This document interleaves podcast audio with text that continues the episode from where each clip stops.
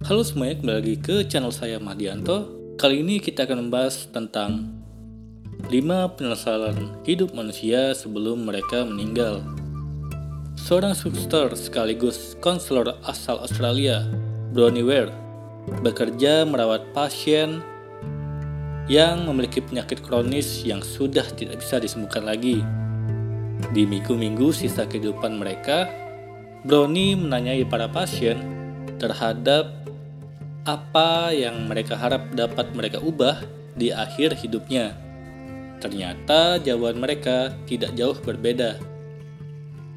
Lalu di tahun 2011 pun, Brownie merangkum jawaban para pasien ini dalam sebuah buku yang berjudul The Top 5 Regrets of the Dying.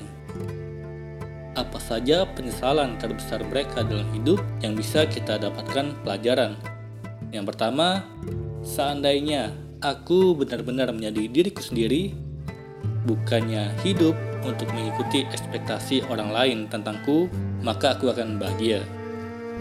Ini adalah ungkapan penyesalan paling umum yang didengar Brownie ketika usia makin habis dan kita sejenak mengingat sejarah hidup ke belakang, mudah sekali untuk mengingat betapa banyak impian yang belum sempat kita wujudkan oleh karena satu dan lain hal. Lalu untuk kita sendiri sebagai pelajaran, sangat penting untuk menghargai dan mengusahakan impian kita sendiri selagi kita masih muda dan kuat. Jangan sia-siakan kesempatan untuk memperjuangkan mimpi kita, apalagi jika kita berhenti hanya karena omongan orang lain. Padahal itu hanya berujuk pada satu atau dua orang. Kedua, Andai saja aku tidak bekerja terlalu keras. Penyesalan ini paling banyak diucapkan oleh pasien laki-laki yang biasanya menjadi kepala keluarga. Mereka terlambat menyadari bahwa kesibukan kerja selama ini membuat mereka melewatkan kenangan dari masa pertumbuhan anak maupun kebersamaan dengan pasangan. Yang dapat kita pelajari dari sini adalah bekerja keras tentunya tidak salah. Apalagi jika bertujuan untuk menafkahi orang tercinta. Namun, sebaiknya kita ingat untuk senantiasa menyediakan ruang dan waktu bagi keluarga. Sebab uang selalu bisa dicari lagi, sedangkan momen penting takkan dapat diulangi. Ketiga, andai saja aku berani mengungkapkan perasaan-perasaanku. Banyak orang menekan perasaannya demi menghindari konflik padahal dalam hati belum lega. Hasilnya, ganjalan-ganjalan pemikiran itu menjadi bom waktu yang menggerogoti diri sendiri dan berujung pada kebencian, kepahitan, bahkan penyakit dalam tubuh. Yang bisa kita pelajari dari sini adalah konflik tidak selalu bermakna negatif, bahkan bisa menjadi kesempatan agar kedua belah pihak semakin mengenal satu sama lain. Mari belajar jadi pribadi yang lebih asertif dan jujur dalam mengutarakan perasaan. Sikap seperti ini akan menaikkan level relasi kita dengan orang lain.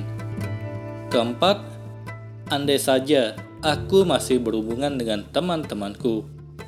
Kehadiran teman dekat akan sangat membantu di titik terendah, bahkan menguatkan kita melewati kondisi kritis. Sayangnya, di era teknologi seperti sekarang ini, kita semakin terbiasa hidup individualistis dan kerap mengabaikan pentingnya persahabatan. Ketika akhirnya kita merindukan teman-teman lama, kita tidak tahu harus ke mana melacak keberadaan mereka.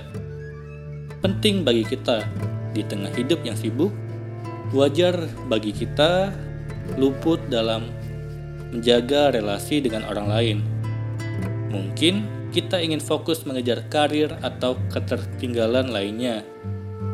Tetapi dari pengalaman Brownie, pada akhirnya kita justru tidak terlalu mengingat aspek-aspek material seperti uang atau jabatan pekerjaan di penghujung usia, melainkan wajah-wajah dari mereka yang kita sayangi.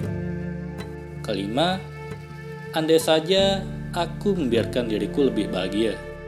Secara mengejutkan, ini pun adalah penyesalan paling umum yang didengar Brownie. Tidakkah seharusnya kita yang paling tahu apa yang membuat kita bahagia?